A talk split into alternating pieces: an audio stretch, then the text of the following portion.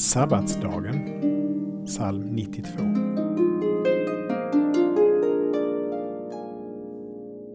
En psalm, en sång för sabbatsdagen. För Israels folk var sabbatsdagen en del av avtalet med Gud. Den sjunde dagen, lördagen, skulle helgas åt Herren.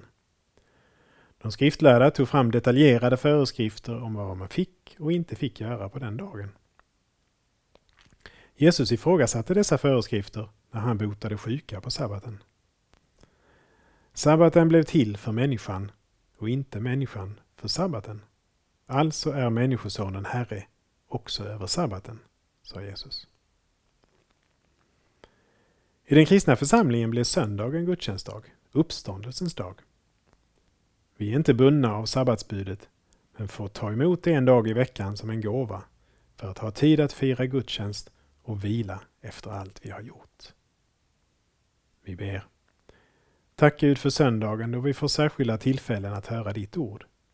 Tack för möjligheten till vila och avkoppling. Hjälp oss att använda söndagen klokt. Amen.